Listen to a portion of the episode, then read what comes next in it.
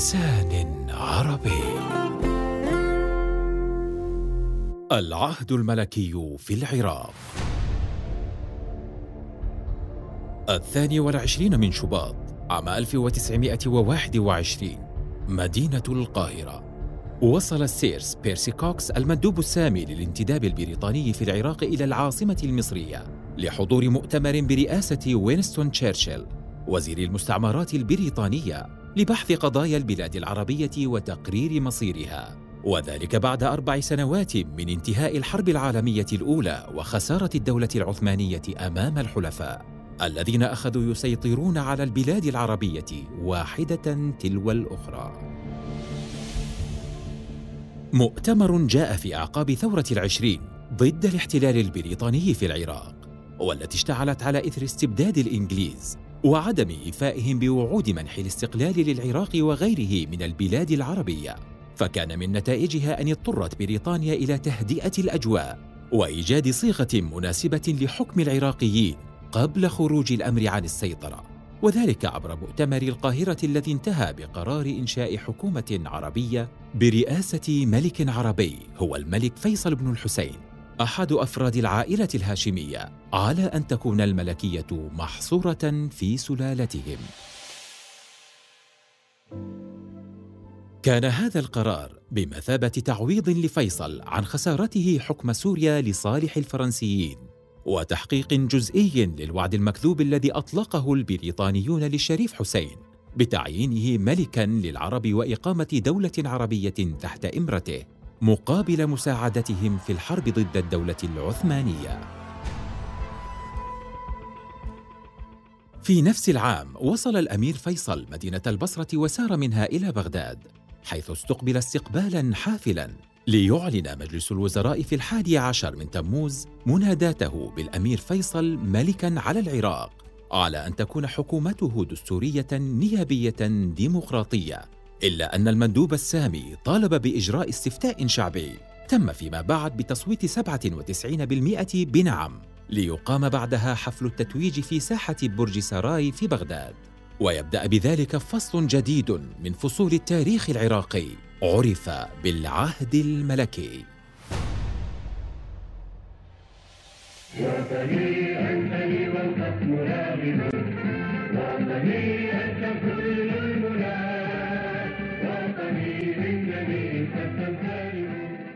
شكلت الوزارة الأولى برئاسة عبد الرحمن النقيب والتي كان من مهامها الإشراف إلى جانب الملك فيصل على تشكيل المجلس التأسيسي الذي سيضع قانون الانتخاب البرلماني.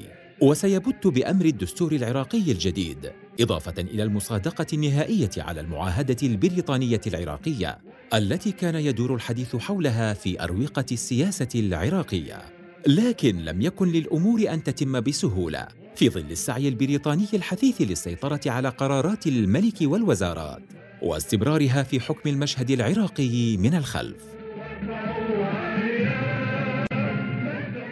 استغل المندوب السامي كوكس غياب الملك إثر مرضه في العام 1922 وتولى إدارة شؤون البلاد فسن قانون التجمعات الذي منع فيه التجمعات السياسية وغيرها بدون إذن وزارة الداخلية وأصدر امرا بإغلاق عدة صحف وأحزاب وطنية. كما وجد فرصة سانحة لتوقيع المعاهدة البريطانية العراقية مع رئيس مجلس الوزراء عبد الرحمن النقيب ليعود الملك بعدها ويأمر بنشر نص المعاهدة التي جاء ضمن موادها الثمانية عشر يتعهد جلالة ملك العراق بألا يعين مدة المعاهدة موظفا من تابعية غير عراقية في الوظائف التي تقتضي إرادة ملكية بدون موافقة جلالة ملك بريطانيا. يوافق جلالة ملك العراق على أن يستدل بما يقدمه جلالة ملك بريطانيا من المشورة في جميع الشؤون المهمة التي تمس بمصالح بريطانيا الدولية والمالية طوال مدة المعاهدة.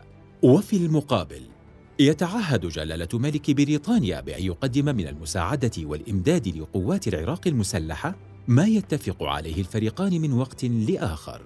يتعهد جلالة ملك بريطانيا بأن يسعى إلى إدخال العراق في عضوية عصبة الأمم. أما البند الأخير فنص على أن المعاهدة تصبح نافذة للعمل حال توقيع الطرفين ويظل معمولا بها لمدة عشرين سنة كانت المعاهدة مجحفة بحق العراقيين وبينت نوايا بريطانيا بإبقاء العراق تحت حكمها بشكل كامل. قيدت قرارات الملك والحكومة واضطربت أوضاع البلاد واشتعلت احتجاجات متكررة ما أدى إلى استقالة الحكومة وتغييرها مرات عدة.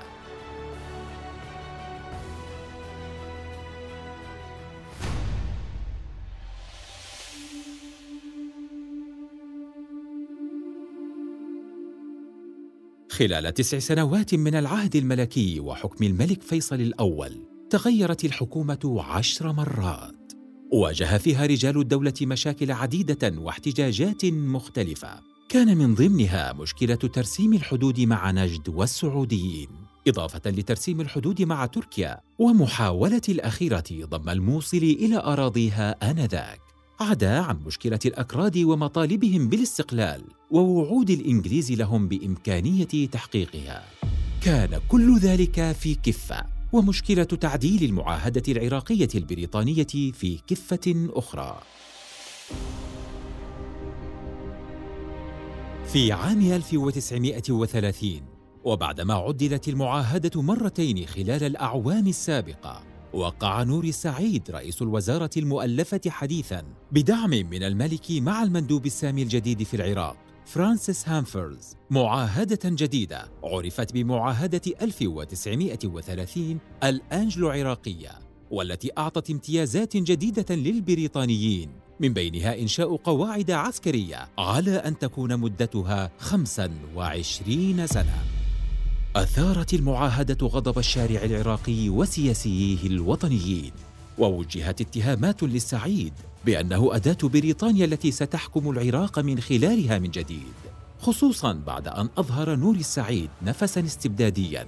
تمثل بخطوات عدة كانت إحداها حل البرلمان النيابي لتسهيل المصادقة على المعاهدة. عام 1932 دخل العراق عصبة الأمم بعضوية كاملة وبتحقيق ذلك وفقا لما نصت عليه المعاهدة الأخيرة نال العراق استقلاله الكامل عن بريطانيا.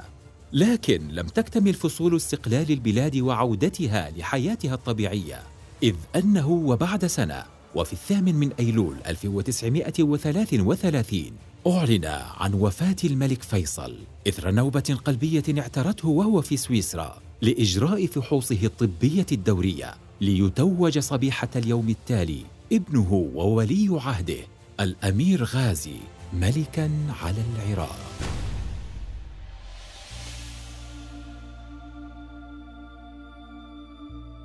كان الملك غازي شابا لم يتجاوز الثالثة والعشرين من عمره. تميز عن والده بنشأته داخل العراق وبين أهله ما جعله يتطبع بعاداتهم ويتكلم بلهجتهم ويبدو أقرب للناس.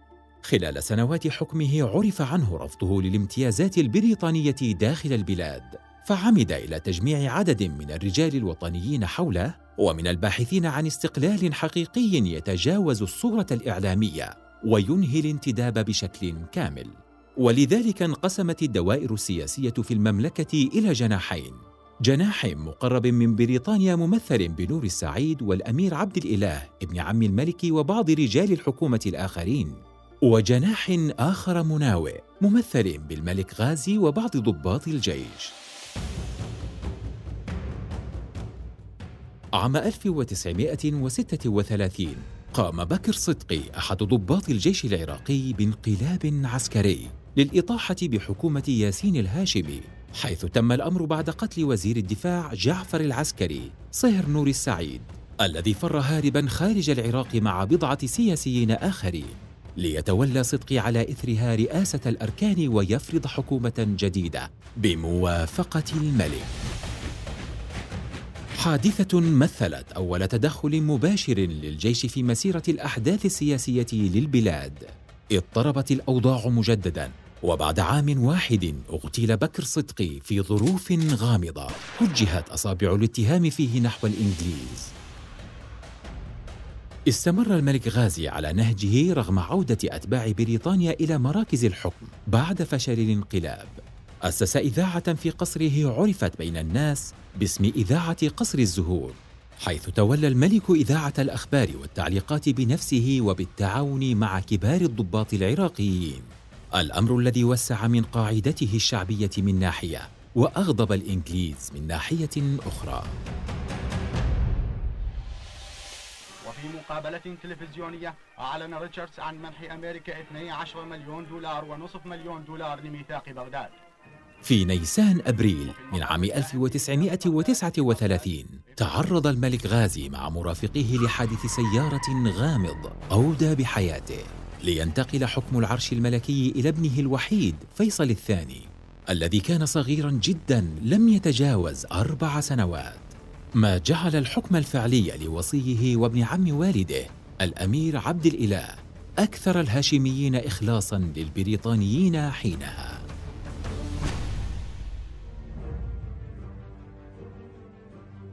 مع دخول العالم في أتون حرب عالمية ثانية كان لابد أن تلقي الأحداث بظلالها على البلدان العربية القابعة تحت الاحتلال.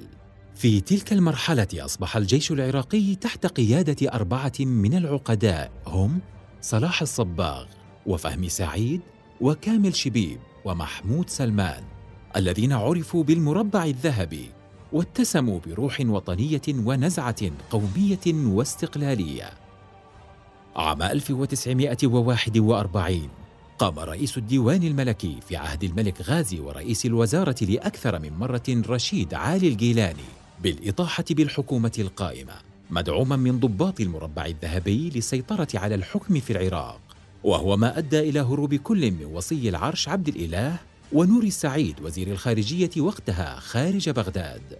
لتبدأ أحداث ما يعرف بثورة رشيد عالي الجيلاني.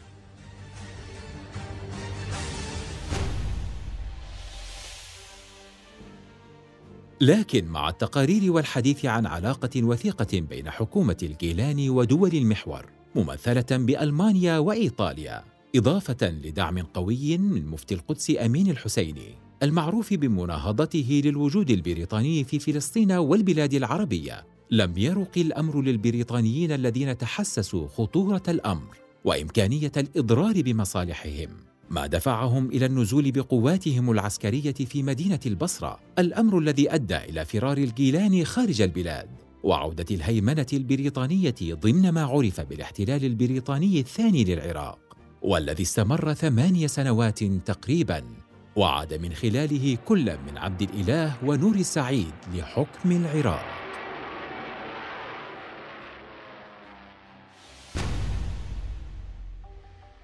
بحلول الخمسينيات أخذ العراق يشهد مرحلة جديدة بدأت تظهر فيها بعض ملامح التطور والازدهار إذ ارتفعت حصة العراق من عائدات نفطه وتعافى الاقتصاد على إثر ذلك. كما أتيحت فرص جديدة للعمل خففت من نسب البطالة وتقدم مستوى التعليم وشهدت الحياة السياسية تحسنا ملحوظا في الحريات والتمثيل النقابي والأحزاب السياسية. التي كان على رأسها الحزب الشيوعي المعارض للملكية خاصة بعد تشكيل حلف بغداد المكون من دول عدة لمواجهة المد الشيوعي. على غرار إعلان الوحدة بين سوريا ومصر تحت مسمى الجمهورية العربية المتحدة تم الاتفاق في الرابع عشر من شباط عام 1958 على تشكيل الاتحاد العربي الهاشمي بين العراق والأردن على أن يكون اتحاداً ملكياً كونفدرالياً غير اندماجي برئاسة ملك العراق وأن تكون عضويته مفتوحة لأي دولة عربية ترغب بالانضمام.